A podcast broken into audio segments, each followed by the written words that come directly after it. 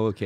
Hei. Ferdig nå, du, Martin. Tenker du, på det du, tenker du på måten du skal starte på, eller bare gjør du det? Jeg bare gjør det. Okay. Fordi nå, langt, langt der inne, i de mørke, den sorte grotten, så har det trehodede trollet, altså oss, steget opp i, og frem i lyset igjen. Tenk at vi er samlet igjen, eh, Simen og Det er blitt en stund og- siden, det nå. Ja. Ja, Du har jo drevet og vært eh, showbiz-star, så jeg og Simen måtte klare oss aleine forrige gang. ja, Star og Star. Jeg har i hvert fall prøvd å holde på med litt showbiz. Hva er Det det, har du vært gjør, gøy. hva er det du gjør for noe, egentlig? Det jeg har gjort, det har vært at jeg har vært eh, skuespiller på Hairspray på Ullensaker teater. Og så har jeg vært med på regi og oversatt manuset til hele musikalen. Så det har vært eh, med både foran og bak scenen, holdt på med sceneskift og flytte på scenografi og Jeg har kosa meg gløgg. Og så har jeg hatt på meg det aller beste, kostymet mitt, har vært en rosa dress med glitterstener over hele jakka.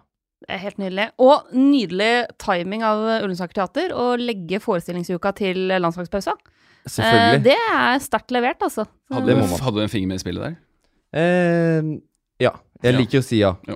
Det jeg ta. Jeg tar. Jeg, den, den vil jeg ta. Den vil jeg ta. Så det har vært veldig gøy. Og det har ikke bare vært meg. Det har vært 60 unger også. Det er jo et, en, en teaterskole for barn og ungdom på Øvre Romerike. Så det har vært veldig, veldig gøy. Vi har spilt ni forestillinger, har vi. Øvre Romerike. Mm. Ullensaker, yes. Ja, og så Nedre Romerike er der hvor du er fra, liksom. Ja. Lillestrøm og Strømmen Lørenskog. og Yes. Ja. Gettoen. Akkurat. Akkurat. Så det har jeg gjort siden sist. Mina, hva har du gjort siden sist? Vært en liten tur i Paris. Og dilla rundt der. Det, var, det anbefales. Verdens Eh, fineste by. Så det var helt Nei, det er det ikke. Jo. Nei, nei. Nei, Min er favorittby, i hvert fall. veldig mye god mat. Veldig mye Mbappé i monitor i Paris nå. eh, Med plakater og ordnings og drakter og sånne ting. Så det var kjempemessig. Var ikke på kamp, eh, men har jo da også jobba litt med Nations League de to siste dagene. Med Spania mot England på mandag, og ikke minst Norge-Bulgaria i går. Så jeg svever litt på den eh, norsk-marokkanske skyen eh, fortsatt, med Tariq Omar og Mui, eh, som skapte mye jubel i går. Så det var, det var gøy. Okay. Det var gøy, det. Og et England-lag som imponerte voldsomt mot uh, Spania. Så der er det også flere som er i form, og det er jo litt, litt mer relevant for oss da, kanskje, enn det Mm. norske landslaget. Så det var, ja. Deilig at Frankrike fortsatt liksom Eller litt tilbake igjen nå, som da vi var små. At det- maktsenteret i fotballverdenen er i Frankrike. jeg liker jo det, for jeg er på Frankrike. Men Paris jeg tenker Det er så mange gode fotballspillere som er fra Paris. Og Stor-Paris, da. Det er så mange. Man kan bare, man må, det, vi rekker ikke å nevne liksom, Hvis man nevner noen, så glemmer man noen. Bare søk opp det. Sjekk hvor mange som er fra Paris, som er i Premier League, som er i eh, spansk, italiensk eh, fotball. Det er så mange gode fotballspillere fra Paris. Det var det. Kanté, han er, Han er fra Ja, han er fra Paris. Født i Paris. mm. Legende. Det var det viktigste. Det er så, ja, han er det viktigste. Altså, det er så mange bilder av han hvor han bare smiler, som er ute på både Instagram og Twitter overalt. Det, det er en felles helt vi har, tror jeg. En god lokanté. Men han er ikke på noen av fantasy-lagene våre. Så vi skal ikke snakke så mye mer om Kanté. Men vi må snakke om eh, litt Vi må snakke litt av det som skjedde siste runde. Mhm. Og det er jo veldig deilig når man tre- Kane-fallitten. Ja, Kane bommer jo som bare det. Det er kjempeirriterende. Vi hadde han som kaptein begge to, Ole Martin. Mm. Eh, det så veldig lite bra ut, og det var fryktelig irriterende. Får sjø- selvsagt gult kort også. Klassisk Kane. Eh, så det er eh, hans feil at jeg ikke kom meg opp på 70 poeng, for jeg mister jo to poeng på det gule kortet hans. Men er det bare for å ta, 68? ja, bare, ta, bare ta det med en gang. Skal, bare, er vi hive Kane rett ut igjen, eller? Hva er det for noe tull? Hive Kane rett ut igjen. Hvorfor det? Fordi han ikke klarer å levere inn mot Cardiff engang? Og da tror du at han er ferdig? Det er det Sånne ting irriterer meg med fantasy. At man bare skal kaste bort dritgode spillere fordi de hadde en dårlig dag. I det lange løp, hvordan går det da? Det, det, jeg, Hvem skal jeg, jeg Hvem, ja, spørsmål. hvem skal du ta inn, da? Aguero? Ja, Du antyder. Du stiller spørsmål, men du antyder også. Skal Ja. man bare ta kasten ut? Ja. Så kast den ut, og så i neste match skal du ta inn igjen Kane, da, hvis Aguero driter seg ut. Skal du ta inn igjen Kane, da. Man har jo et bytte hver runde. Kan jo bare gå frem og tilbake. Ja, men Bytte de hele tiden? Det, Ja. ja. men det blir, jeg blir matt, altså. Skal sitte der. Jeg skjønner ikke hvorfor jeg gjorde det bra i fjor. Jeg skjønner ikke hvorfor jeg gjør det dårlig nå. Du føler er du gjør akkurat sånn- det samme? Ja, men denne runden her så, det er jo så mange andre spisser som leverer. Lacassette Ja, Aubameyang. Men da må man legge om hele strategien, mener jeg. Da, da, men da Ja, gjør du det. det er jo det en del av det. Ja, men står du, står du på det da, eller bytter du igjen neste uke? Vender du kappen etter vinden? Sånn, sånn, sånn syns jeg det funker så mye i fantasy. Ene uka så er det det, andre andre uka så er det noe helt annet. Er Salah i dårlig form? Er Kane i dårlig form? Mm. Er Aguero i dårlig form? Nei, det er ikke det! Nei. Neste uke Ja, så men de scorer de. skårer jo ikke! Når, når man har oss som kaptein. Joshua King, plutselig Ja. så stemmer det for han. Etter du, en måned uten noen ting. Men vi Plutselig ikke, våkner ja, han. vi kan ikke bare sitte Hvorf- her og si at ja, alle kommer til å levere på et eller annet tidspunkt. Nei, jeg er enig i det, men jeg syns det er vanskelig. Ja, det er ikke Det er kjempevanskelig. Ingen Også sier at det er lett. et lite innspill fra, Så fra sidelinja her, da. Uh, Kane gjorde en kjempejobb mot Spania. Uh, for han skaper jo to mål, egentlig, å få med seg assister og greier og greier. Det syns jeg er interessant å se, hvordan han eh, faktisk også i den kampen er tilrettelegger. Og det er ikke liksom, småting han får til der heller. Altså, han har noen pasninger som er helt utsøkte, så det syns jeg er litt interessant. Han har jo ikke vært noen assistmann i noe særlig stor grad. Eh, det er ikke derfor man har pleid å ha ham på, på fantasy, men det syns jeg er sånn lovende å, å se. Man kan jo Det er en slags tendens nå at han har blitt mer en hel fotballspiller enn en Mm.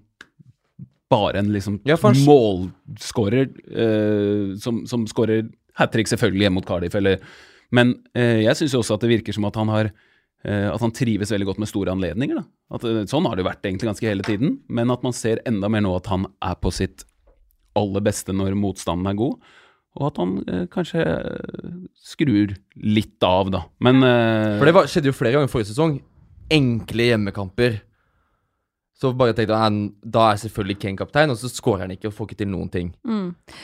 Men sånn som vi som sitter med Kane, da. Jeg tenker i hvert fall at uh, nå er det Westham den helga her, Ja. borte. Men det er fortsatt i London, så det er ikke noe lang reisevei, ikke noe stress der. Og så etter det er det Manchester City. Så da lar man jo Kane få Westham-kampen. Og så tar man en vurdering før City. Tenker jeg, da, i hvert fall. Jeg har ikke noe hastverk ved å slenge han rett ut igjen. Jeg tror ikke jeg kommer til å prioritere bytte der. Jeg syns kanskje det mest interessante nå er å, hvis man har Kane eller som jeg, eh, Aguero, å frigjøre litt penger på å, å få inn Lacassette. Ja, Lacassette er Fordi jo han spiller jo nå, Mm. og han trenger jo nesten ikke målsjanse for å score. Eh, og eh, Arsenal de har nå etter hvert eh, Medspillerne hans har liksom forstått at det er jo faktisk bare å mate han, er det ikke det? Bare Ja, ja. Gi, gi han ballen, så skjer det noe. Han har fått, de har fått bekreftelsen på at det funker, og han har fått bekreftelsen på at han er nummer én. Mm. Han er spissen. Han kommer til å starte alle kampene. Mm. Og det er det som er problemet, problemet mitt, er at jeg tok ut Aguero og satte inn Kane. Så nå sitter jeg med Kane, og så ser jeg at med runden som kommer, Lacassette er på. Aguero er på. Eh, Mitrovic Arnatovic, flere av disse. Jeg sitter med Saha også, som er litt sånn eh. Altså, jeg har ingen jeg er fornøyd med der framme. Og derfor er det eneste Altså nesten eneste muligheten min er Jeg må hive Kane ut igjen, for jeg vil ha Guero og jeg vil ha Lacassette. Vi har Jamie Vardy til og med. Han er jeg, og han er eh, han, han skårer ikke mange mål i løpet av en kamp. Han skårer ganske mange mål i løpet av en sesong, men han gir deg ikke gleden. Han gir deg ikke den store Han bare Han gir deg en sånn derre Ja, ok, takk for den, det var mål. Og så prøvde jeg en som kaptein nå sist. Tenkte jeg nå, vet nå, nå bare tar jeg en gamble på han. Absolutt eh, ingenting der. Det var, det var litt sånn eh, Bare for å ta det, da. Jeg endte på 58 poeng forrige runde. Det ble Kane kaptein, bare møkk. Hazard var jo visekaptein. Da skulle jo hatt han istedenfor, selvfølgelig. Etterpå klokskapens lys.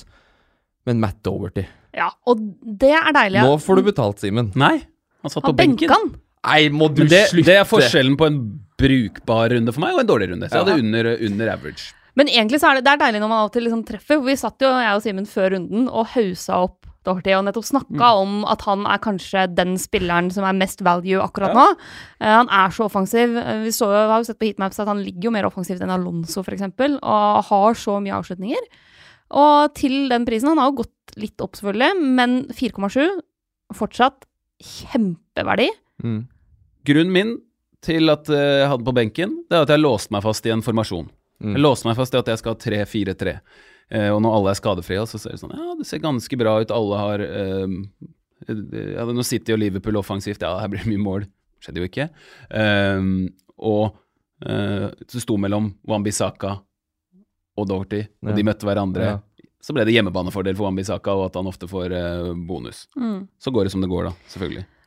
Jeg valgte jo faktisk da å kjøre 4-3-3 i den kampen her, fordi jeg syntes det var så vanskelig å velge om jeg skulle benke Doherty, Wambisaka eller Robertson. Selv om Robertson hadde en vanskelig kamp, så veit du at han eh, kan både få med seg assister, får ofte bonus. Så endte han jo ikke opp med å få bonus, men fikk jo clean shit. Eh, Så jeg endte opp med å benke Neves og spille alle tre, i tillegg til Alonso. Og egentlig veldig godt fornøyd med det. Så pasninga til Neves for Portugal. Å, herlighet.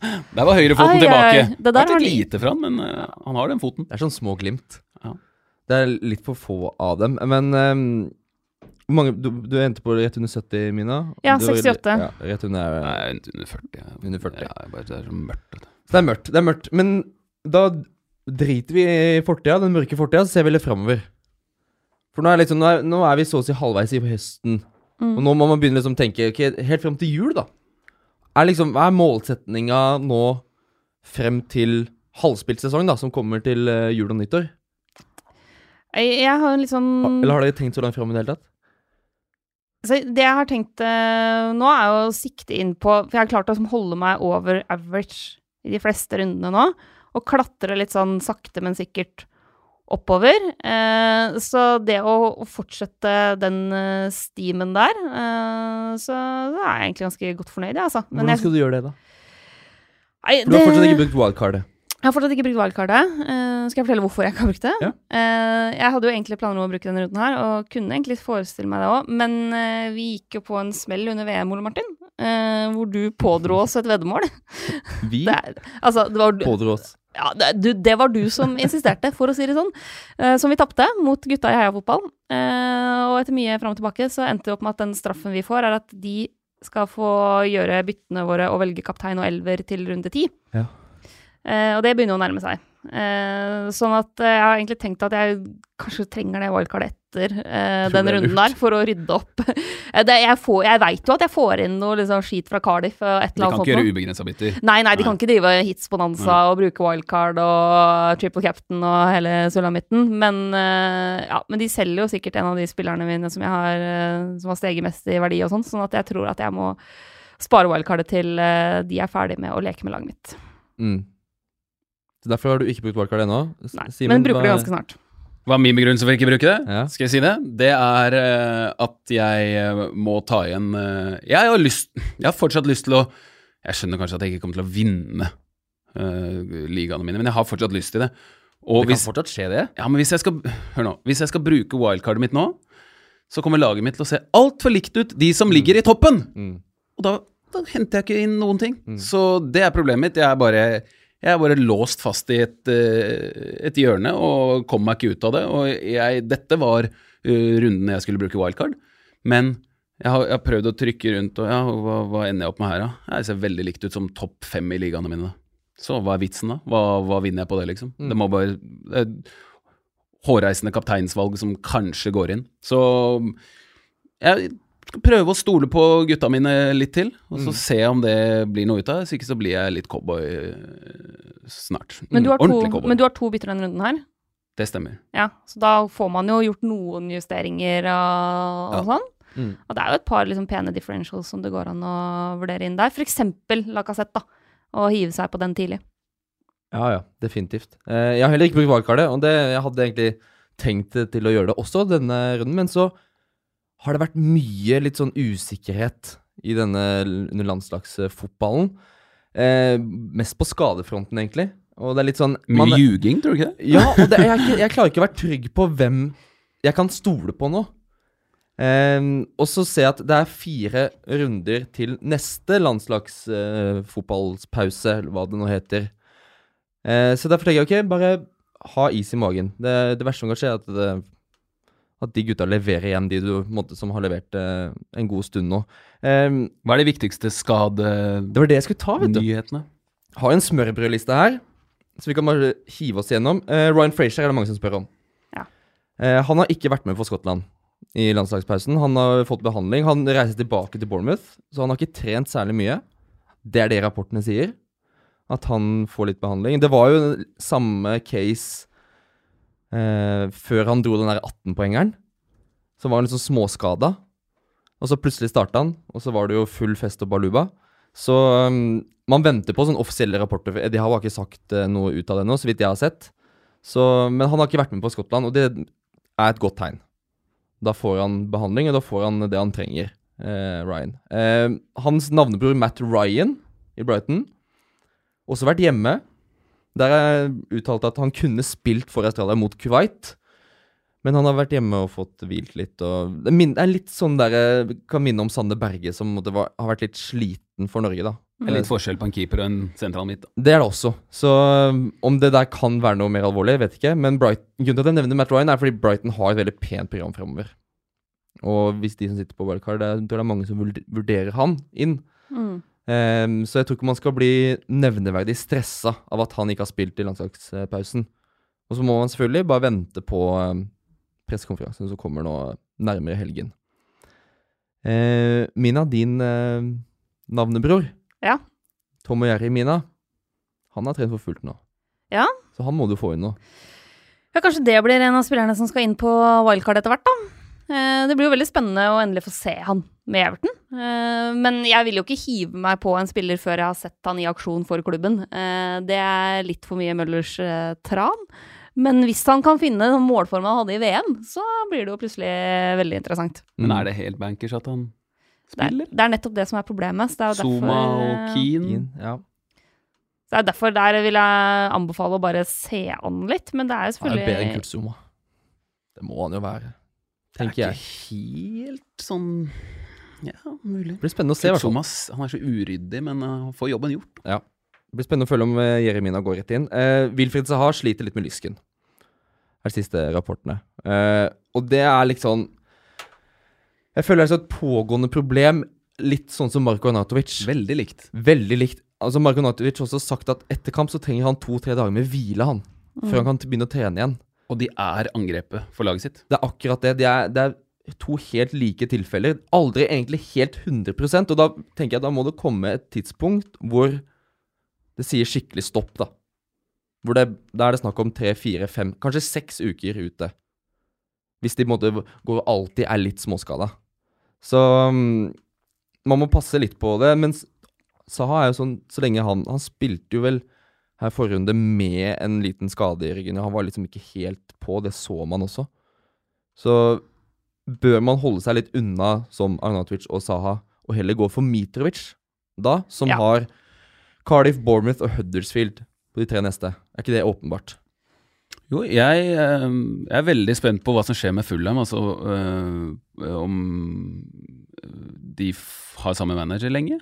Uh, jeg tror det kan Det kan ha mye å si for Mitrovic, fordi altså, de spiller jo så naivt. Og så, sånn de var mot øh, Arsenal de, bare, Det ser ut som de nesten prøver på Mm. å spille på seg problemer, men det er jo fordi de slipper fram mye folk og faktisk skaper en del. Altså Mitrovic får jo målsjanser hele tiden. Hvis de bytter til en mer eh, primitiv stil, så kan det hende at Mitrovic eh, plutselig Ja, men da, da kan det hende at Mitrovic eh, får færre Eller det vil jeg tro, at han får Mm. færre målsjanser per kamp. da.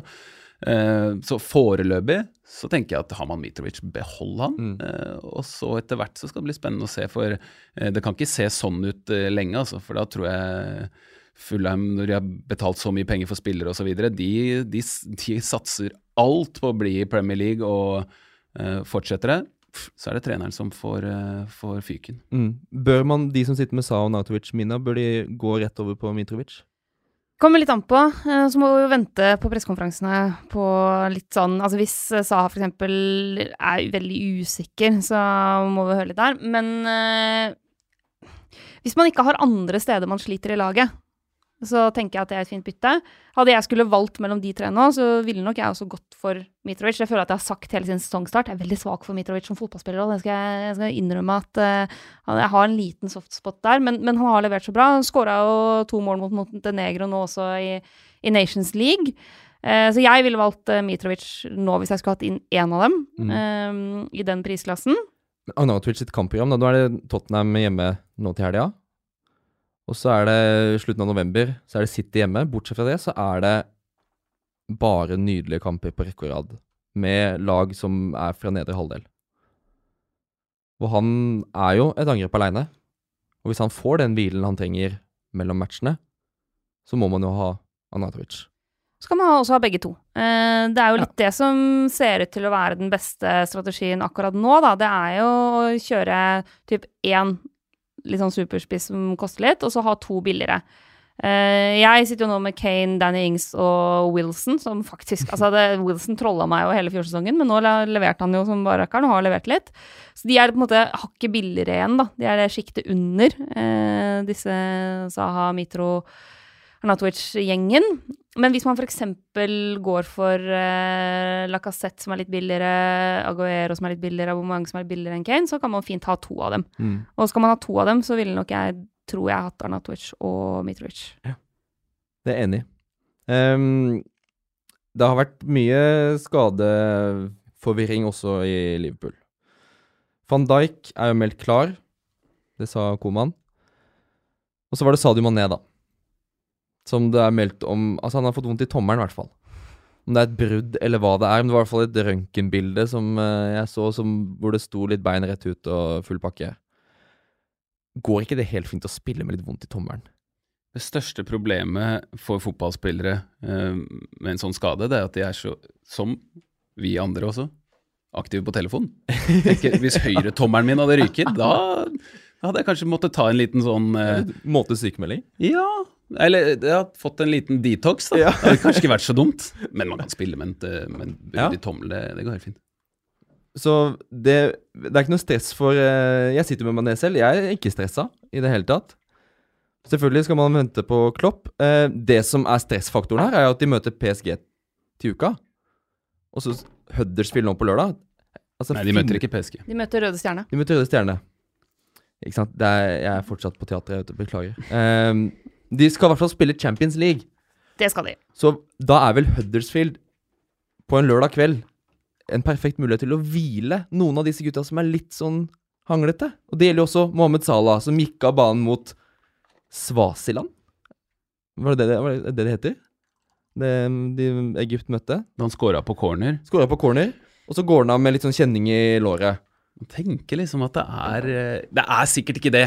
Nå er det vel det bare sånne eh, te teorier. Men at eh, hvis de får beskjed om at nå det er viktig Hvis det er noe bitte lite grann, Mhm. eller kanskje til og med ikke er så mye, og at det ser bra ut for landslaget deres, vær så snill å, å, å hvile dere. For eh, jeg, tror, jeg tror ikke Klopp er interessert i å han, han har forstått nå etter de tre åra at det er faktisk begrensa hvor mye og mange man kan hvile, altså. Eh, før det går gærent. Og så tight det er nå, med City og Chelsea spesielt. Da, nå er det vel enda tettere når Arsenal og sånn melder seg på, men eh, i toppen der det er ikke mye rom for feilskjær, altså. Og er det noe Liverpool, eh, spillere, fans, eh, manager, klubbledelse tenker på, så er det å vinne Premier League.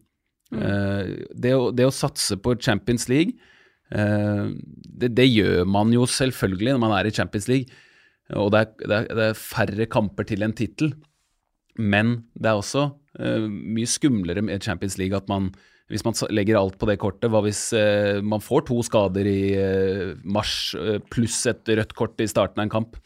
Det er, så, det er så lite som skal til for at en, en, en satsing er ødelagt. Eh, mens i, i Premier League så tenker man liksom det er mye lengre tid, og her er det faktisk Jeg, jeg tror jo det at eh, alle managerne på de beste lag, kanskje med unntak av Guardiola når alt kommer til stykket, har mest lyst til å vinne Mm. Premier League. Mer lyst til å vinne Premier League enn Champions League. Mm. Så Derfor kommer ikke Klopp til å hvile mye på det, han må. Og hvor mange kan han tillate seg å, å hvile? Nå har han jo problemer på midtbanen. Eh, Milner er skada. Ja. Eh, han er også. viktig. Milner er viktig. Mm. Når han gikk ut eh, mot eh, City, så så man de, de får ikke til eh, presset sitt like bra uten Milner. Hvis Keita er ute i tillegg. Sykt, ass. Hvor viktig Milner er. Ja, ja, det er merkelig. Men i tillegg så Salah, som har vært bra, men Ja. har ikke, har ikke skåra mål. Mané. og så har Firmino spilte vel hele kampen mot, mot Argentina. Det, er- han skulle sikkert gjerne hvilt alle sammen. Men har ikke mulighet til det. ja, men klokka setter sette inn Sturridge, Ja, han kan sette inn Sturridge. Shakiri Jo, Ja, men hvor det, mange av de kan han sette inn sammen? Hvor mange kamper, minutter har de sammen på banen? Og det er noe av problemet. Det man, har det jo vært diskutert eh, litt nå de siste ukene. Nettopp det med, med på en måte, det Liverpool-systemet, og hvor definerte roller man har for at man skal kunne spille fotball på den måten. Eh, og hvor viktig det er at de spillerne som kommer inn, løser de oppgavene ak på akkurat den måten Klopp ønsker, for at den spillestilen skal fungere. Shakiri ble bytta ut Ikke sant? etter en uh, kamp hvor han så bra ut. Første omgang hvor han Mm, så bra ut. ja. Han, uh, Mm. Om han ikke skåra. Ja, ja, Mm. ja, stemmer. Um, Fabinho om- ikke fått særlig ja. sjanse. Keita som har vært så, Han er så god, men han får, får ikke spille. Ok, Hva er det for noe? Det er handler det om nettopp om. det her. Og da er også utfordringa hvor mange spillere da kan du bytte ut, og kan du hvile, og fortsatt få de seierne. Ikke sant? Fordi det er helt klart En kamp mot Huddersfield, det er de kampene Liverpool må vinne. Mm. I, I en sånn sesong som i år, da. Nå er de 20 poeng, de er ubeseira. Eh, det ser ut til å bli langt jevnere enn det har vært tidligere. Eh, så du skal ikke gamble for mye med det da. Og når du allerede har sånn som, sånn som Miller ute, da, så ser jeg også for meg at eh, Klopp tenker at nå skal vi ikke røre for mye Mm. i gryta. eh, og begrense antall liksom, fra ikke-førsteelveren som kommer inn. Så jeg sitter jo med Salah fortsatt, og eh, er foreløpig rolig på det. Sikkert mange som er frista til å ta inn Sturridge, men det er jo en risiko forbundet. òg har jeg sett um, noen som har spurt om. Hvor mange kamper på rad kommer de til å starte, liksom? Nesten ingen. Nei. Jeg tror ikke det. For det er, det er, Liverpool har jo et nydelig kampprogram nå. Mm. Man må, eh, må ikke glemme det. Og da er det Helt naturlig at en av dem- Og så Cardiff hjemme. Helt naturlig at én av dem starter der, og så starter en annen altså, Ja. For det er jo eh, kvalitet. Mm. Men, eh, men jeg har liten tro på at han splitter opp eh, At han bare lar én av den supertrioen eh, stå. Mm. Det tror, jeg, det tror jeg ikke han har noe lyst til. Da, vi stoler på det. Vi stoler på deg, Simen. Du er jo den smarteste av oss her. Tross alt. Tross alt. Um, Kevin De Bruyne, dere. Han, Fortsatt fotballsko på beina. Det er ikke joggesko på de uh, Nei. fra treningssenteret. Det han er tilbake i full trening. Mm. Kevin De Bruyne hadde et lignende kneproblem i januar 2016. Eh, dette er Nå har jeg hentet stjålet uforskammet fra Ben Dinnery på Twitter. Da var han tilbake etter 66 dager og starta mot Bournemouth 2. april 2016 og skåra. På lørdag så er det 66 dager siden kneet røyk. Han har trent med laget i ca. to uker. Første meldinga jeg så på at han var tilbake i trening, var 1. Det sto- står 9,7. Det sto tre til fire måneder på de første rapportene. Mm. Jeg syns alltid det virker som at klubber går ut med om de. Om, om de Mm. gjør det fordi det er egentlig det som stemmer, eller om de gjør det fordi da er nyhetene som kommer, gode. Han er jo et fysisk vidunder, da. Altså, han må jo Jeg, jeg har lest det at han, han må jo komme tilbake mye raskere enn antatt. Det er flere som går har jo sagt det, at det går bedre enn de hadde trodd. Fysisk vidunder, eller Doping? Det var det du som sa. jeg, jeg, jeg, bare Jeg, syns bare det er så rart at spillere som Jeg sa det. Nei, men jeg tror ikke, jeg tror ikke de har dopa han. Men jeg syns bare det er så rart dopa, dere. Nei, men at, at, at, at fotballspillere mm, ofte, da, og gjerne de beste òg, eh, kommer tilbake før tida, eh, eller aldri blir skada. Mm. Når de spiller så mange kamper, og det går bare fortere og fortere, belastningen er bare større og Mm. større. Altså, det er ikke bare Men- Mullers, ja, det er ikke bare Mullers tran og vitaminbjørner til Men det handler der. også en del om type muskulatur og en del sånne ting da, som jo gjør at noen spillere får mindre skader enn andre. Eh, hvis vi skal litt vekk fra konspirasjonshjørnet. Eh, men Kevin De Bruyne, 9,7. Rett inn. Eh, jeg har veldig veldig lyst til å ta han inn. Eh, det får Det blir wildcard på meg. Ja. Jeg skjønner jo det. jeg, jeg, Men for Hvilken dag er det i dag? Hvor god tid har jeg? I dag Du har er et par dager onsdag. til å leke. Ja, ja. Nei, jeg har veldig lyst til å få eh, Kevin De Bruyne inn. Problemet er jo at da må jeg enten selge Hazard eller Sala. Det har jeg ikke lyst til. Eh, eller så må jeg ta hit og ta ut f.eks. Kane. Eh, sånn at det er litt sånn Jeg er ikke sånn supergira på å hitte ut Kane før han skal spille mot Westham. Og er ikke gira på å ta ut en av de andre midtbanekanonene, så jeg må tenke litt hva jeg gjør der. Men hadde jeg f.eks. vært Simen da, og hatt to bytter nå, eh, så hadde jeg jo prioritert å få inn eh, De Bruyne.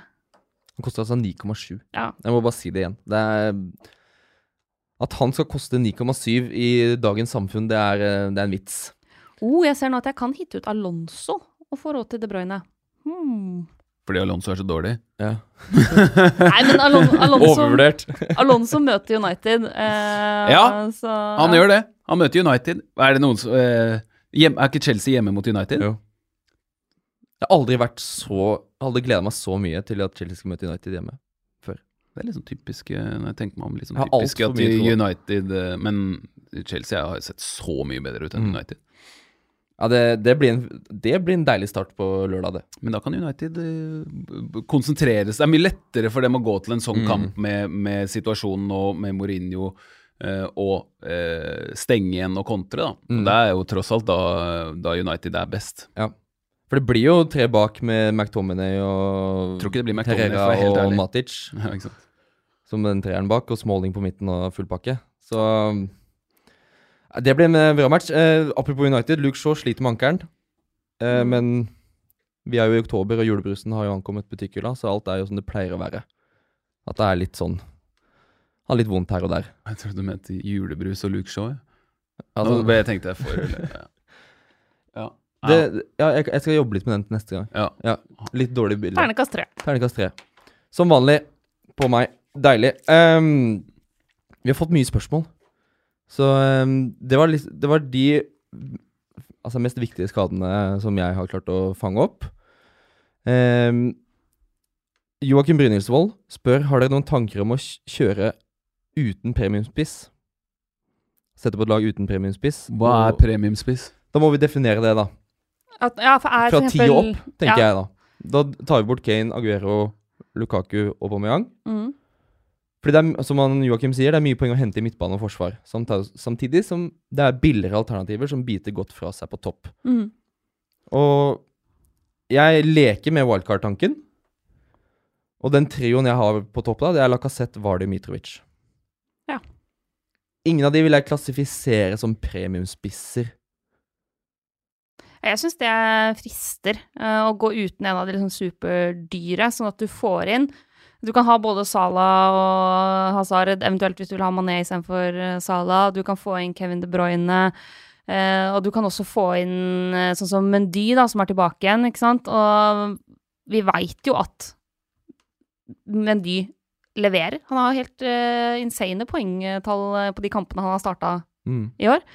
Så jeg syns ikke det er så dumt, altså. Eh, å tenke litt mer der. Når det er Vi har jo sett at en del av de spissene er underprisa. Én ting er, eh, er sånn som Mitrovic, men også sånn som Himinez i Wolverhampton.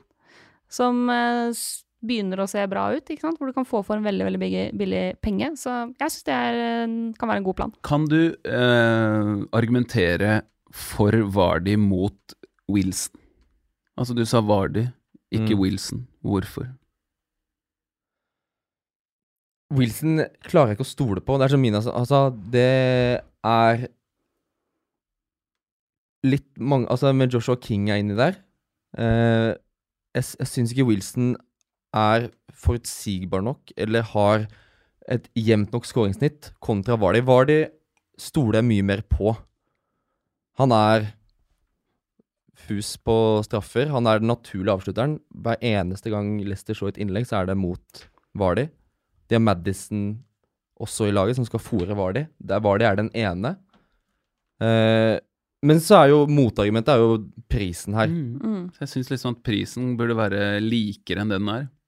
Mm. I hvert fall når Wilson og Bournemouth spiller så bra. Da. Det, det, det går jo litt eh, opp og ned med dem, men eh, akkurat nå så, så, så ser jo Bournemouth like bra ut som Leicester, og Wilson minst like bra ut som Vardy, liksom. Mm. Nå sitter jeg med, med kalkulatoren her.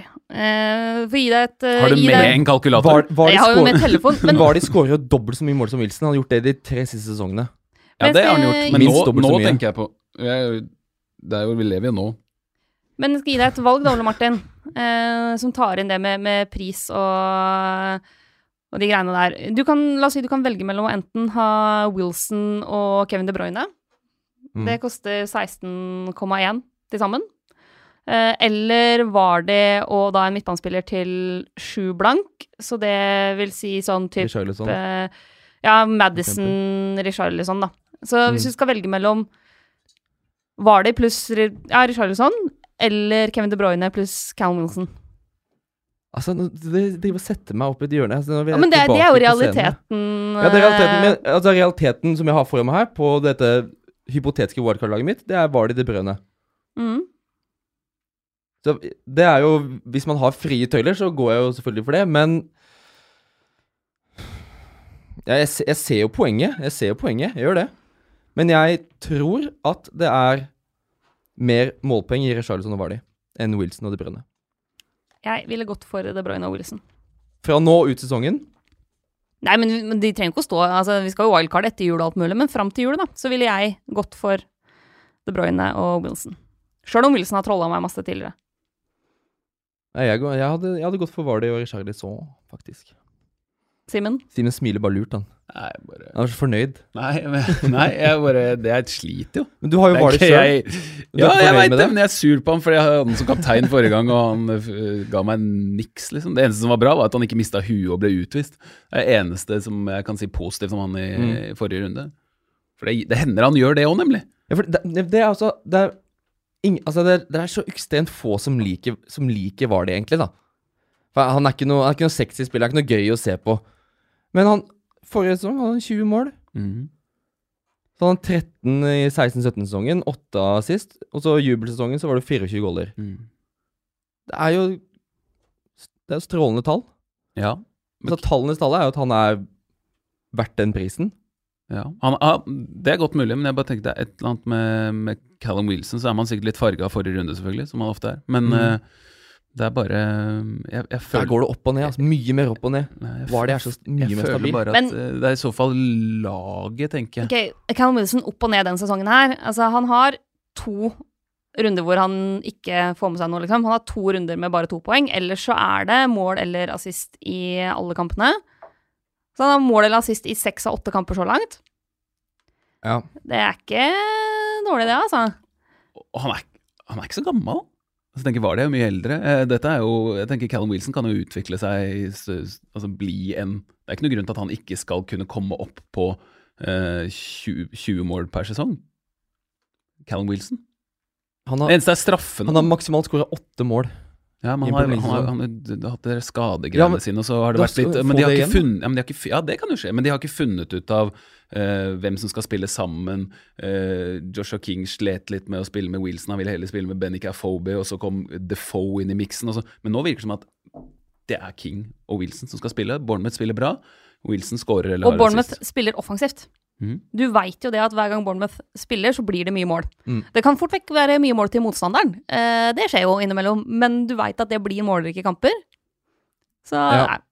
Ja, ok, Dere er glad i Bournemouth, det er greit, men da kan vi ta et spørsmål om Bournemouth, da. Mm. Fra Kristine Kaile fra, på um, Instagram-kontoen vår, TV2 Fantasy, spør hvilken Bournemouth-spiller er best verdi. Da er det Wilson, da. Og Fraser.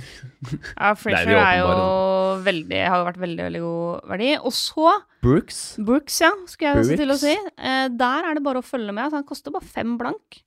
Eh, er jo ung, eh, og man må følge litt med på spilletid og sånn, men nå har han liksom starta Det er vel de siste fire matchene han har starta, er det ikke det? Mm. Eh, så ja. Verdt å følge med på, i hvert fall. Men uh, apropos folk som er uh, Altså, folk, folk som kanskje ikke har eh, bevist så mye enda da, for han er såpass ung at uh, han har jo ikke den samme track recorden som et par andre spillere på ting han har levert tidligere sesonger og så videre, Mm. men, men interessant til Ja. fem blank. Interessant. 1% som er den. Det er fint, det. Ja, Fraser er den som har best verdi i Bournemouth. Uh, uten tvil. I mitt hode.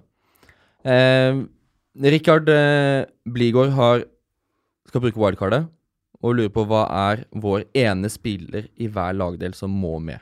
Mm.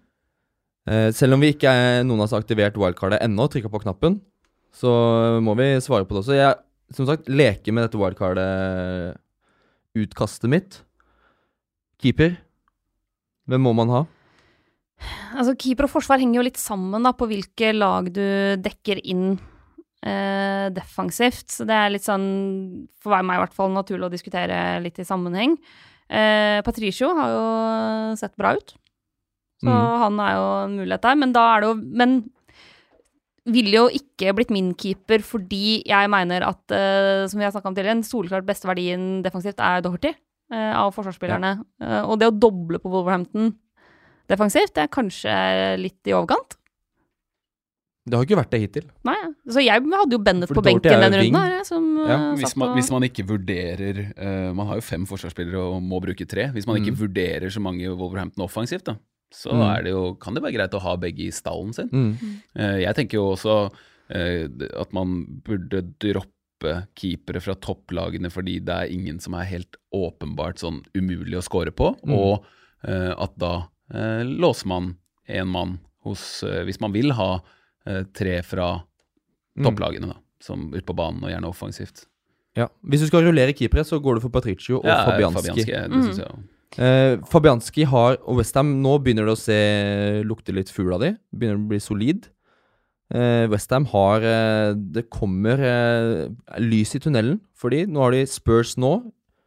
Og I runde 13 så har de City hjemme. Nå har de, okay, de har vist at de kan holde nullen mot eh, gode lag eh, hjemme. Mot eh, Chelsea. Var gode mot United.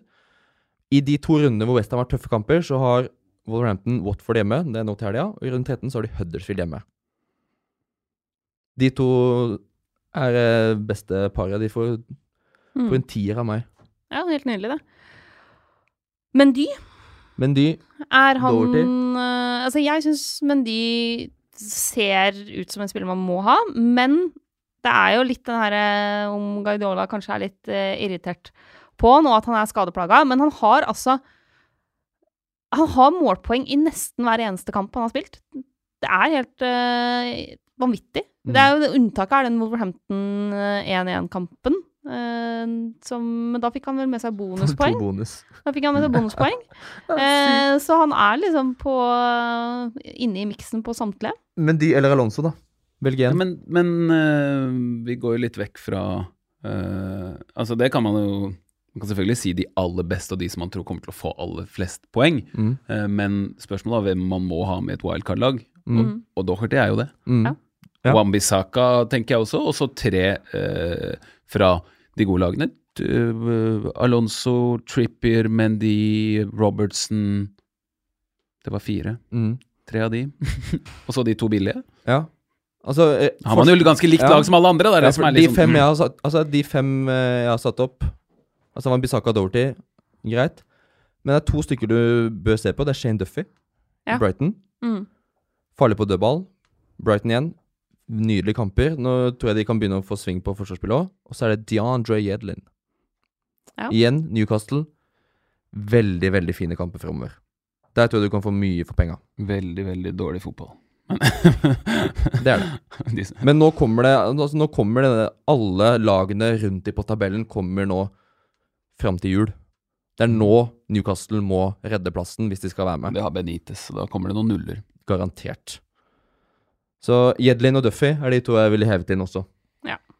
På midten Eden Hazard. ja. eh, Der er vi, vet du. Ja, men det er vanskelig å komme utenom med den nå, altså. Uh, både for landslag og klubblag, den formen han er i, den måten han har blomstra på. Det er uh, Ja. Det er for meg umulig å sette opp et wildcard-lag uten Eden Hazard. Og han har så Ja, høy an andel eierandel òg. han nærmer seg jo 50 eier- eierandel. Så man taper så enormt mye på å ikke ha ham i laget, eh, fordi alle andre har det. Og spesielt i de kampene hvor han er et godt kapteinsalternativ. Mm. Så jeg ville ikke turt å gå uten Hazard nå. Stirling, da. Azar foran. Så ikke Stirling i det hele tatt? Var det ikke et spørsmål om hvem spiller i Jo, hver lagdel. Azar. Hazard. Syns jeg. Ja. Noen billige varianter, så kan du faktisk hive inn eh, Josh Murphy. Ja. I Cardiff. Koster 4,8. Begynner å få litt tillit av Warnock eh, nå. Ehm, det er jo han du skal ytterst på benken uansett. Ja. Så kan han kanskje komme inn og gjøre en liten jobb. Ehm, men uh, Hazard må man ha. Hvor mye penger skal man putte på midten, da?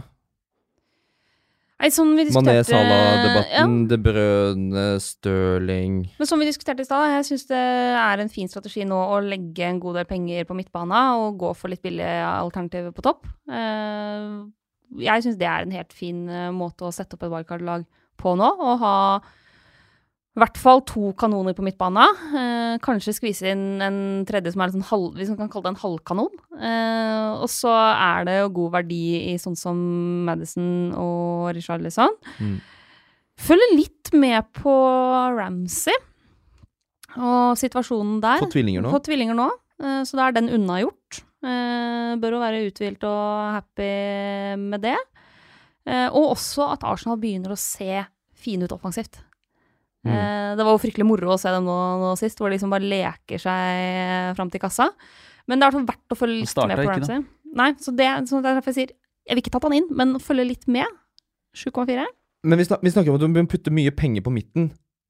Ok, men det er jo så mange dyre midtbanespillere, og vi har ikke kommet til spissplass ennå. Så man må jo velge bort noen. Mm. Man kan ikke sette opp Hazard, Salah, Støling. Stirling. Så hvem velger man bort? Men hva, skal, skal vi ta uh, spørsmål ferdig først, og så kan vi ta det etterpå? For ellers så sklir det ut. Hvis vi skal si én spiller i hver lagdel, Ja. så svarer vi på spørsmålet. Så kan man bygge rundt der. Så hvis, hvis, vi starter, hvis jeg svarer på det, så vil jeg si uh, Fabianski, Doherty, Azar. Akkurat nå, Lacassette. Støttes. Ja. Jo, men Lacassette er jo den som ser ut som han er i best form av uh, de dyre spissene. Mm. Jeg ville sagt uh, Arnatovic på topp. Da kan vi Ja, da har vi de fire. Da har vi svart på det spørsmålet. Mm. Jeg er litt rusten, altså. Det Mm, sklir mm, mm. ut. Det er bra du passer på Det går bra, men man sporer av. Jeg liker Man å spore av. men det er bare greit å komme, spore litt inn, fint. og så Det, det er veldig, fin, veldig fint. Um, vi er inne på Lacassette og dette. Så har vi fått spørsmål fra Ruben Bymann. Tanker rundt underliggende stats versus conversion rate. Altså Spillere som leverer, scorer bra på å ha skudd på mål, store sjanser, kontra de som leverer høy kvalitet i avslutninger. Mm. For eksempel da Lacassette, som har en god Som scorer, trenger ikke mange sjanser. Eh, kontra f.eks. Sala. Mm. Hva vektlegger vi mest? Så på de to spillerne, så for å være helt ærlig, så vektlegger jeg Jeg ser på statistikken og ser Men der ser jeg mest etter endringer. Eh, hvis man ser endringer over tid i tallene på de spillerne der eh, Hvis eh, Kane for eksempel, eller Salah plutselig kommer seg til mye færre avslutninger enn det de har gjort tidligere, så er det varsellampe. Men dette er spillere som vi, vi vet litt om hvordan de spiller, vi vet hva de har levert tidligere. Eh, og så lenge de holder seg forholdsvis jevnt på det de har levert tidligere, så er jeg ikke så bekymra over det. Da ser jeg mer på hva som skjer på bana. Hvordan de ser ut i kamp. Eh, om de, hva slags type avslutninger de får der. Da syns jeg det er mer interessant å følge kampene og følge spillerne der. Så er det noe annet hvis du plutselig får en voldsom dupp på noen av de stjernene. Hvis Mm. for eksempel eh, treffprosenten til Lacassette kassett går veldig markant ned. Hvis, eh, sånn som vi så tidligere i år, Kane plutselig kommer seg til langt færre avslutninger enn tidligere, så begynner jeg å grave litt. Ok, men hva skjer egentlig her? Sjekke litt på Ok, Kane ligger kanskje mye djupere i bana enn det han har gjort tidligere. Han har færre uh, avslutninger i boksen av de han pleier å sette. Så det er, det er mitt ærlige svar Mm. på det, da. Eh, mens på andre spillere som er litt mindre etablert, eksempel, så bruker jeg mer stats enn det jeg gjør på de største stjernene. Mm. Jeg har ikke så mye strategi nå, helt ærlig, liksom. Jeg kan ikke late som jeg Mye magefølelse. Ja. Og det jeg ser, det, det, jeg ser skal undervurdere Mm. magefølelsen, altså. Nei, magefølelse og det jeg ser, og så ser jeg jo selvfølgelig på kampene som kommer, da, går for sånn Ja. Se fem-seks kamper fram i tid. Mm. Uh, og så eh, er rett og slett bare man, man kan nesten noen ganger, nå høres det kanskje litt dumt ut, men man kan se det litt i øya på spisser, f.eks. Om de er tilfreds, om de er eh, frustrert, om, om det stokker seg for dem, og sånn, så ser du det gjerne litt sånn på kommunikasjonen deres. og sånn.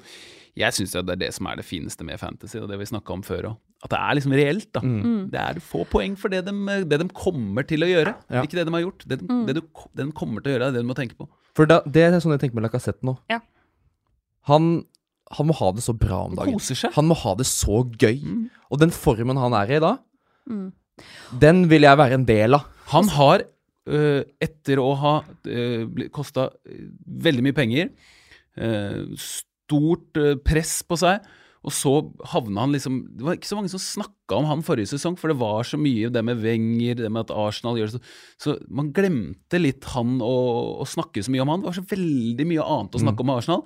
Men parallelt i den perioden så har jo han kjent på at han har, ikke, han har ikke fått det til helt, han har ikke kommet helt på plass. Er det riktig lag for meg? Er det riktig sted å være? Og nå har han bare fått bekreftelse på bekreftelse på bekreftelse på at her skal han være. Mm. Det må være helt nydelig. Mm.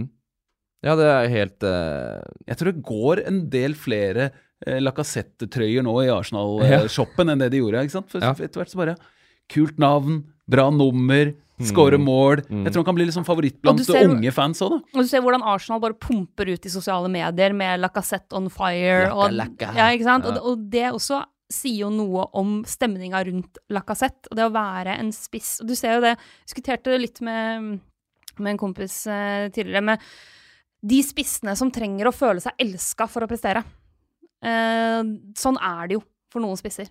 At de, at de må være et sted hvor de eh, blir satsa på, hvor de føler at liksom, dette stemmer for meg. Da løsner det.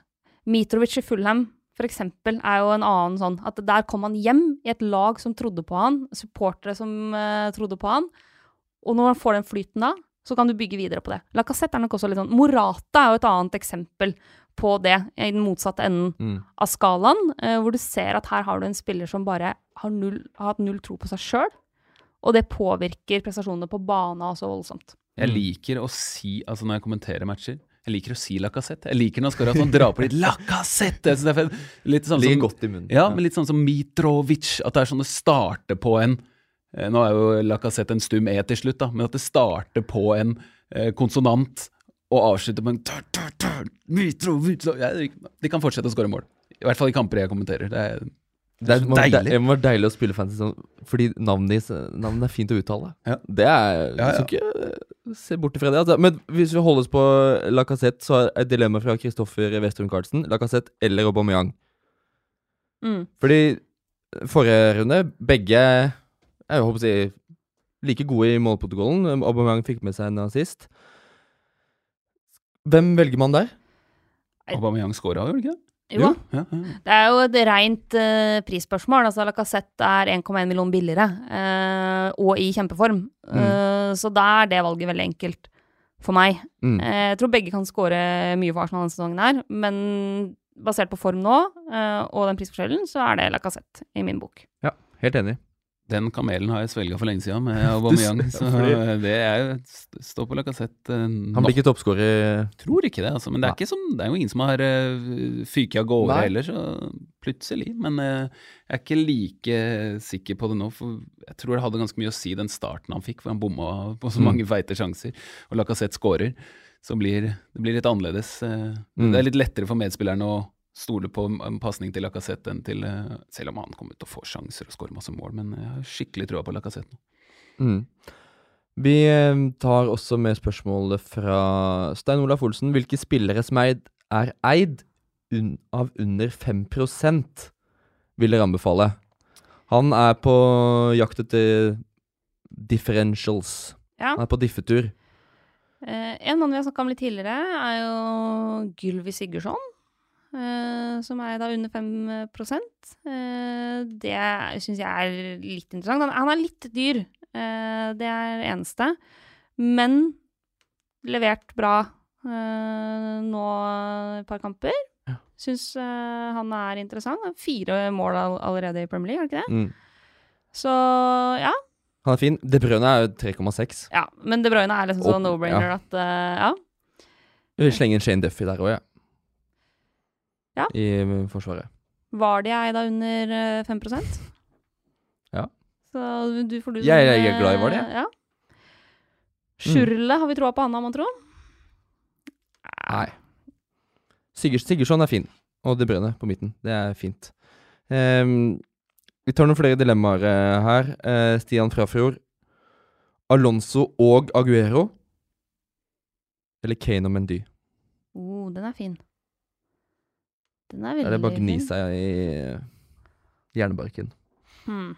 Jeg har jo Alonso og Kane nå, så jeg føler jo det dilemmaet, liksom. Eh, Jeg er sånn ikke strålende fornøyd med det, men, men greit fornøyd med det.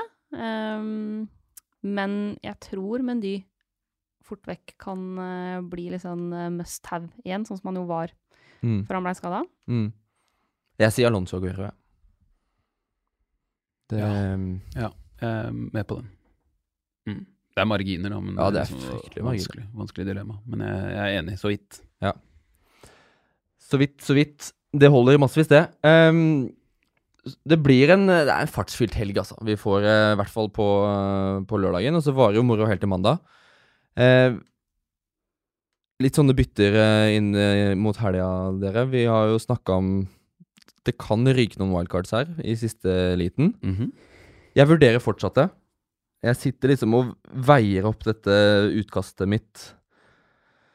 Uh, ender på en måte med, ja, å stokke om litt. Uh, men jeg tror jeg skal prøve å holde igjen, og ikke gjøre noe. Mm. Og da har jeg ett bytte å gjøre. Uh, og da er det på topp. Jeg tror jeg må gjøre det, men jeg, jeg, jeg er helt i villrede. Jeg har faktisk ikke peiling på hva jeg skal gjøre. Uh, Aguero inn fra Kane, jeg har lyst på Lacassette inn. Uh, jeg har lyst på Kevin De Bruyne inn, jeg har lyst på Mendy inn. Så jeg klarer ikke helt å bestemme meg. Og hvis, så jeg må bare Jeg tror jeg kommer til å vente på pressekonferansen og se hvem som er skada. Mm. Ref. Frazier Mané, Ja, den debatten der. Uh, jeg satt jo og lekte litt i stad med at jeg faktisk kan ta ut Bernardo Silva for De Bruyne, og ta ut men da må jeg ta ut Alonso for typ Duffy eller noe sånt noe. Eh, men jeg syns det, det sitter litt langt inne å hitte ut Alonso når vi fortsatt ikke har sett De Bruyne tilbake i aksjon, da. Eh, så den er litt sånn vanskelig. Ellers er jo mitt største problem, eller mine to største problemer i laget er egentlig Neves og at jeg fortsatt sitter med Hudson og Doy ytterst på benken. Eh, Neves er sånn Jeg benka han jo forrige runde, ikke sant? Eh, og da kan jeg like så godt ta inn en eh, spiller som jeg har litt mer troa på at både kan bidra litt, men også som kanskje til og med er hakket billigere enn Neves. Mm. Så kanskje Murphy, for eksempel. Det er ikke så ute av det. Jeg tror Wilfred Saha er ferdig, jeg ser det nå. Når jeg sitter og tenker her. Uh, Han er ferdig på laget mitt. Jeg skal ha inn Mitrovic for de tre kampene han får, og så skal jeg ha Arnautovic etter det. Ja. Det er min plan. Jeg har ikke lyst på så mange av spillerne mine, men de har så greie kamper nå, så jeg syns det er vanskelig å, å, å gjøre bytter. Eh, Milner eh, har jeg. Han er eh, knall rød, skada, men han koster jo ikke så mye, så jeg kan, jeg kan, kan la, han, la han sitte. Jeg har jo alle de, unntatt Mané, så har jeg tre Liverpool-spillere med liksom skade, skade på seg. Men Mm. van Dijk er jo klar, og jeg tror Salah er klar også. Eh, men det er nesten for dumt å ikke ta inn Lacassette nå som han har prata han opp Mm. så mye, og da prata ned Vardi litt. Uh, men da må jeg finne litt penger noe sted. Så det er mulig at jeg faktisk gjør følgende. Van Dijk ut for en billigere forsvarsspiller. Fordi han gir meg ikke så mye som jeg hadde håpa. Jeg hadde håpet på han skulle Han skåra selvfølgelig i landskampen. Det er den jeg har venta på. Så han bare skulle få en null, en scoring, bonus osv. Det har ikke, ikke skjedd. Eh, så da er det mulig at jeg går for van Dijk ut, en billig for- forsvarsspiller inn, Vardi ut, Lacassette inn. Mm. Sånn det ser ut nå. Hvis det ikke blir wildcard, da. Nei. Altså, Jeg, altså, jeg, jeg surrer sånn, jeg, for jeg ser at jeg har penger i banken. Så jeg skal selvfølgelig ha en Lacassette for Wilfred Saha. Jeg har jo, sitter jo med tre-fire millioner i banken. Oi! Ja, da er det, du- bare, har å du gunne- da er det bare å gunne på. Så da plutselig ble det Å, nå, nå, nå skal det bli gøy! Nå skal vi kose oss her. Kapteinsvalget, da? Aguero. Jeg gir den en sjanse til. Å, kom igjen. Ja. Burnley slipper til flest eh, skudd, er det ikke det, det statistikken Og de har sier? sluppet inn voldsomt mye, eh, så det er ikke dumt, det, altså. Eh, Jeg Joe Hart skal være vegget. Han kan jo få mye Ja, men er Han stoppe. Ja, ja, ja, ja, ja. Han er ikke på lån, vel? Nei, han er jo ikke det. Ja, men jeg lurer på om det er et eller annet sånn Det skal jeg sjekke. Sjekker du? Jeg sjekker det nå. Joe Hart Han, Han er ikke Han kan spille, Han han. har kjøpt det. Nei, ikke dumt, det, altså. Jeg, mine to kapteinsalternativer er jo Salah borte mot Huddersfield og Kane borte mot Westham. Mm. Eh, og Hazard, for så vidt. Eh, men sjøl om det er mot eh, United. Så da må jeg vente litt og høre hva Klopp sier på pressekonferansen. Eh, men per nå, hvis begge er skadefrie og alt er tipp topp stemning, så heller jeg retning Ja. Jeg bare ber om en, en sånn vintage Aguero tre-fire mål. Det vil jeg ha. Ja. Nå trenger jeg det. Mer enn noensinne. Jeg skal eh, Jeg skal ha Lacassette, ja. Som kaptein. Mandagskveld. Det er deilig Bare- å sitte og glede seg. Bare sitte og vente. Det, altså, det kan bli grusomt, fordi det kan være okay, det kan være Salah, det kan være Aguero, kan ha Leicester er- to-tre mål. Og Leicester er jo sånn som taper en kamp litt sånn Hæ, kan de tape den? Og så vinner en kamp. Jøss, kan de vinne den? Ja. Så det er litt sånn det er van vanskelig å forstå seg på Leicester. Mm. Og Arsenal, som har ikke spilt så veldig bra, bortsett fra den forrige kampen hvor de var eh, strålende. Leicester Litt skummelt, kanskje. For Å, så skal jeg ta ut Vardi og inn Lacassette! For det, det kommer til å bli målrikt. Det er jeg ganske sikker på. Mm. Um, Store sjanser for det. men jeg, Bra for Leicester. De fikk West Morgan utvist sist. Så Ja. spiller ikke han. Han er så ferdig, han. Ja, han er Han er så ferdig, han. Han har vært ferdig kjempelenge. Men Ja. uh, Lacassette skal være kaptein. Uh, altså, jeg, jeg må bare hive meg på bølgen og satse på at den Ja. fortsetter å flyte. Og så går jeg all in på at Aguero blir tatt av etter 59 minutter uten scoring. Og Salah fortsetter å brenne litt, og det er litt sånn tatt av der også til en time, kanskje. Shakire får noen minutter, Sturridge skårer igjen. Og at eh, Ja, det er Hazard, da, som er, er alternativet, kanskje. Men det er tidlig match, og det holder jeg meg unna. Det er pga. underholdning at du holder deg unna fordi du vil at det skal leve Det- lenge? ja. Mm, ja. Nei, jeg skjønner jo det. Det er, det er jo moro, dette her. Det liksom vi, vi skal prater- være det, i hvert fall. Ja, vi, ja, det skal være det. Men det er jo, det er jo en lek og et spill. Og jeg blir sånn herre Når jeg tenker på det nå, så blir jeg sånn Åh, fantasy, ja, stemmer det. Jeg gjør det så dårlig. og så er det jo bare Det er jo Man bare tar lett på det. ja. Og det er som du sier, Lacassette. Det gir meg en sånn deilig følelse å se han som kaptein Mm. mandag kveld. Det blir eh, jeg, blir jeg blir litt varm i hjertet av det. Det blir, det blir fint, det. Jeg gleder meg til det. Starte med en bra match. Chelsea, eh, United. Avslutte med en bra match. På et bitte litt lavere nivå, kanskje, men, Mm. men bra. mm. Arsenal-Leicester. Mm. Det er bare å få i gang den runden her. Det er bare å få det i gang. Det sparkes i gang på lørdag. Fristen er halv tolv. 11.30, altså. På med alarmklokkene og alt. Mm. Halv tolv! Nei, eh, halv ett. Ja, takk. Selvfølgelig. Du er litt rusten, men da er jeg det går bra. rusten. Det er, det er godt å ha det er, det er gøy å være tilbake, men eh, det trenger, man trenger liksom litt tid å komme inn igjen. Det er bra jobba. Jeg syns du er god. Ja. Takk, i like måte. Dere er gode, alle sammen. Det var bare dårlig fancy. Liten, ikke er helt uvesentlig sak. er god i mye annet. Dårlig form, iallfall.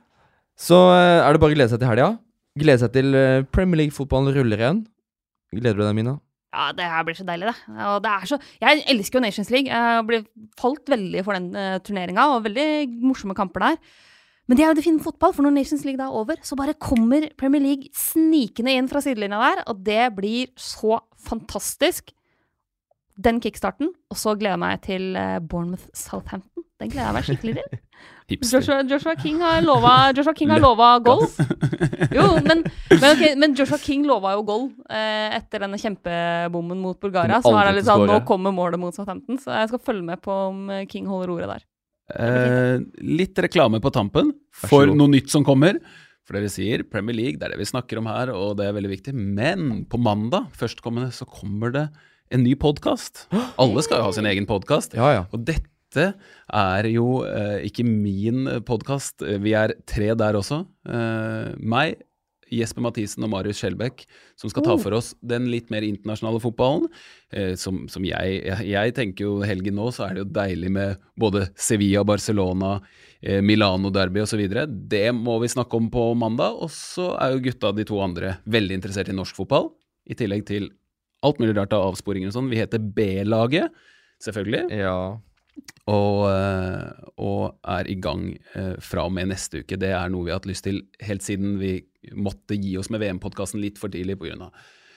Bar barnefødsler osv. Så, videre. men nå, nå har vi tid, og nå er vi skikkelig gira til å sette i gang. Jeg gleder meg, ass. ja, det blir gøy. Det blir gøy å høre enda en ny podkast i podkastappen. Det trenger vi. Vi trenger alltid flere podkaster i denne verden. Så, eh, og før mandag, før premieren din, så skal vi ha Fancy fredag selvfølgelig på fredag. Følg oss på Instagram, og bli med i Facebook- Facebook-gruppa vår.